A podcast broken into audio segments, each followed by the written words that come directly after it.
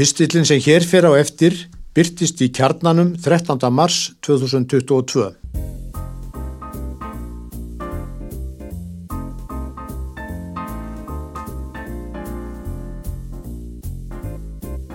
Furðulegasta njóstnamál Danmerkur Í november 1981 var danskur rítöfundur handtekinn, grunaður um njóstnir. Eftir þrjá daga var hann um sleft en hefur aldrei verið hreinsaður af ásökunum. Málið er nú, 41 ári síðar, komið til kasta landsréttar. Þriðutaskvöld 1 í november 1981 satt danski rítöfundurinn Arne Herlöf Pettersen í stofunni á heimili sínu í Truggelef á Langalandi og horfi á samt konu sinni á kvöld fréttir danska sjónvarpsins. Hús sjónana stendur innanlega í lokaðri götu. Innum gluggan barst hljóð frá bíl sem fór eftir götunni og sneri svo við. Hjónin töldu að bílstjórin hefði vilst en þegar þau heyrðu að bílinn stoppaði fyrir utan húsið stóð Arne upp úr sófanum og leitt út. En í sama mund var hópur laurugluþjóna komin inn í húsið og tilkynnti Arne að hann væri handtekinn og eiginkonan líka. Og fyrir hvað? spurði Arne og svari var fyrir njóstnir. Þau voru úrskurðuð í þryggjadaga gæsluvarðald meðan lauruglan rannsakaði íbúðarhúsið hátt og látt og bar út fjöldan allan af kössum með bókum og skjölum. Þessi gögn á samt afritunum af símarlerunum og upptökum úr hlerunar útbúnaði ætlaði danska leinithjónustan, PET, að nota til að sína að Arni hefði unnið fyrir sovjesku leinithjónustuna, KGB, og fengi greitt fyrir á samt síkaretum og áfengi. Eginkonunni sem aldrei var nafngreint var sleft fljótlega eftir handtökuna.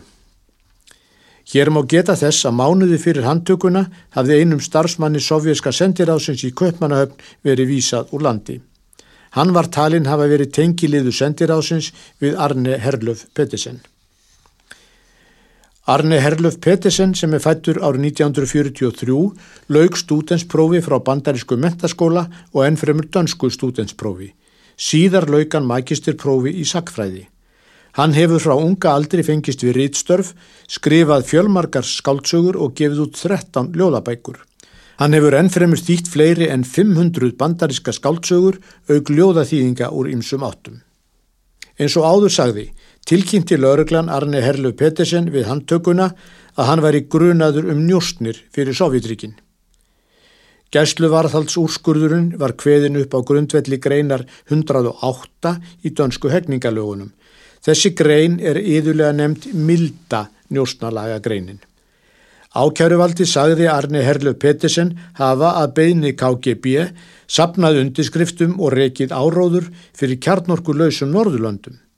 Framkom að danska leginni þjónustan hafi um tveggja ára skeið frá 1979 og fram að handtökunni hlerað síma Arne Herlöf Pettersen. Starf hans hefði verið að breyða út í ákvæðar skoðanir um sovjersk sjónarmið og upplýsa sovjerska diplomata í sendiráði Sovjetríkjana í Kaupmannahöfn um tiltekna danska einstaklinga og skoðanir þeirra. Arne Herlöf Pettersen saðist fyrst og síðast hafa rætt málið við sovjerska sendiráðsmenn eins og hann komst að orði.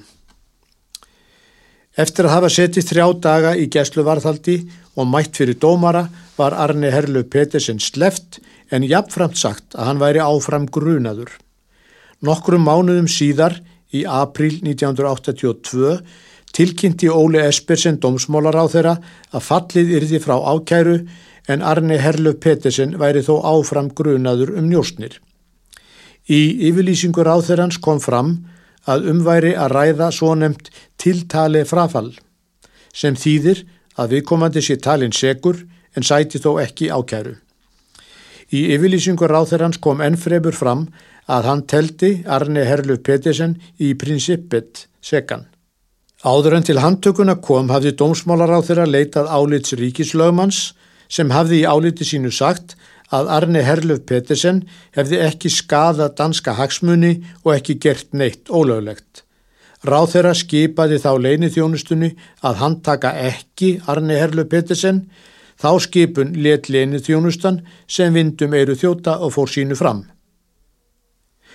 En af hverju að telja mannin segan en ákæra ekki. Hjá dómsmálaráþuranum tókuðust tvö sjónarmið á. Annars vegar álit ríkislöfmans og hins vegar ákverðun leini þjónustunar um handtökuna og harðorðar yfirlýsingar Kjeld Ólisen, utaríkisráþura um Arne Herlu Pettersen.